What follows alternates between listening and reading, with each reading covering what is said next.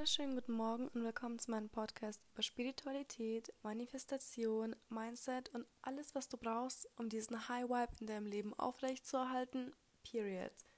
Heute geht es um maskuline und feminine Energie. Die meisten von uns wissen nicht, dass alles auf dieser Welt, inklusive uns Menschen, sowohl maskuline als auch feminine Energie hat und keine von den beiden ist irgendwie stärker oder besser. Beide sind gleich und beide sind essentiell für die Kreation von etwas. Um etwas zu kreieren, das erfordert sowohl maskuline als auch feminine Energie. Und das beste Beispiel dafür sind einfach Männer, die zum Beispiel femininer sind oder Frauen, die maskuliner sind. Das zeigt einfach nur, dass diese Frauen halt mehr maskuline Energie in sich haben als feminine und dann diese femininen Männer mehr feminine Energie in sich haben als halt maskuline. Und heute erkläre ich mal ein bisschen die zwei, die Eigenschaften von den beiden Energien und was sie bedeuten und was was man spürt in sich drinnen, wenn man zu viel von einer der beiden Energien hat und wie man das auch wieder ausgleichen kann. Also fangen wir gleich damit an.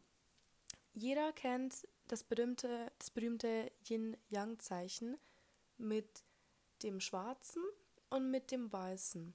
Das Schwarze in dem Yin-Yang-Zeichen ist die feminine Energie und das Weiße ist die maskuline. Denn die feminine Energie ist eher dunkel. Also ja, ist eher dunkel und die maskuline Energie ist eher hell. Ich lese jetzt mal ein, paar Eigenschaften vor von der femininen Energie. Einfach ein paar Wörter, damit du so ein, so ein Gefühl dafür bekommst, was sie eigentlich ist. Und zwar, feminine Energie bedeutet sein, Sie ist innerlich, sie ist dunkel, sie repräsentiert der Mond, sie ist die Nacht, sie ist langsam, sie ist Wasser, sie ist kalt, sie ist Winter, sie ist feucht, sie ist Fühlen, sie ist Spiritualität, sie ist Tod, sie ist Herz, sie ist ruhig, sie ist rund und sie wird stimuliert von ähm, Praise. Es fällt mir gerade nicht auf Deutsch ein, ähm, wenn man sie lobt. Genau, sie wird stimuliert von Lob. Maskuline Energie hingegen ist machen. Also feminine Energie ist sein und maskuline ist machen. Sie ist eher äußerlich. Sie ist hell. Sie repräsentiert die Sonne. Sie ist Tag. Sie ist schnell. Feuer, heiß, Sommer, trocken. Sie ist Denken. Sie ist Geburt. Sie ist ähm, expressive. Also sie ist eher ähm, nicht ruhig, sondern einfach eher so, sie zeigt, was sie fühlt. Und sie ist eher linear, also nicht rund, zirkular, sondern linear. Und sie wird stimuliert von Challenge. Ähm, wie übersetze ich das jetzt? Challenge, sie wird stimuliert von ähm, ja, Challenge. Ich glaube, das weiß jeder. Wenn, ja, Challenge. Egal, es fällt mir später ein. Tut mir leid.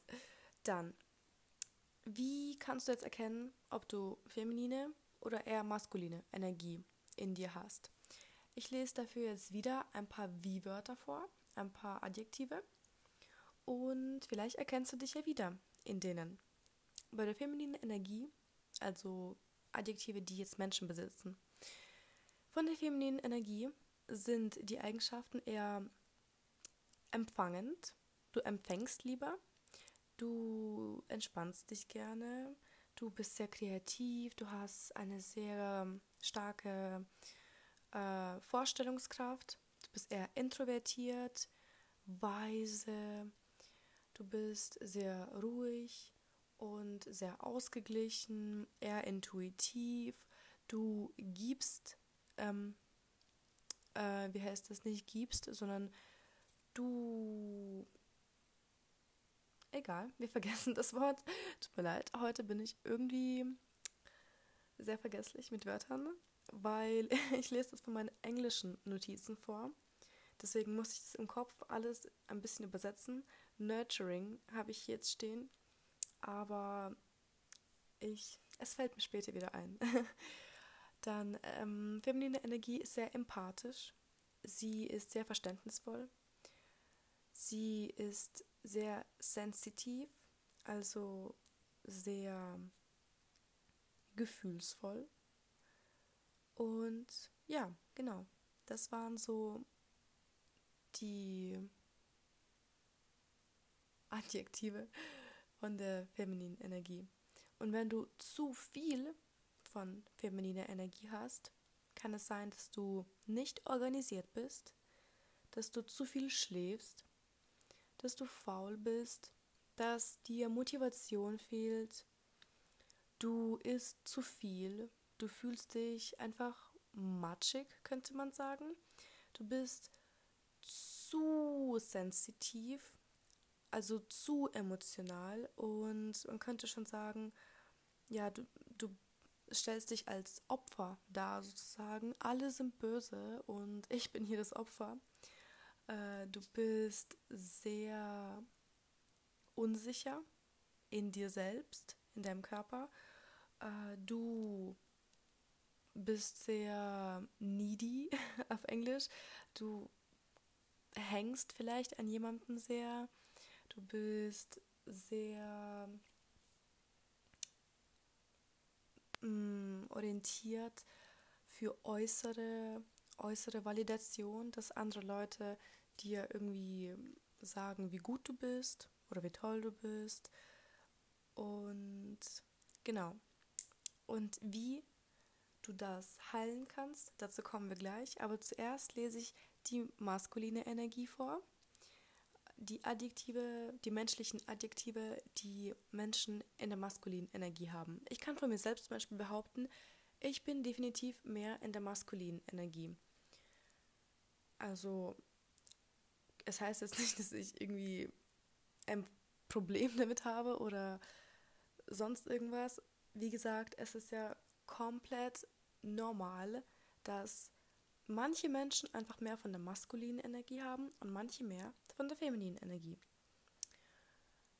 Und zwar die Adjektive für maskuline Energie sind eher geben, machen, hasseln könnte man sagen, Aktion, eher extrovertiert, eher diszipliniert, fokussiert, abenteuerlich, sehr ähm, bodenständig, könnte man sagen, ähm, sehr in Kontrolle, sehr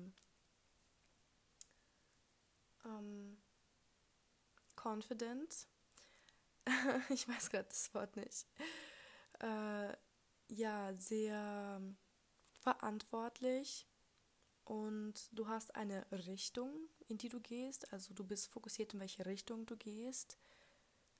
Und genau, wenn du zu viel von der maskulinen Energie hast, dann musst du zum Beispiel in Kontrolle sein. Du kannst sehr dominant werden, du kannst sehr aggressiv werden, du kannst sehr selbstorientiert werden, also sehr egozentrisch sozusagen, sehr kalt und distant und unflexibel.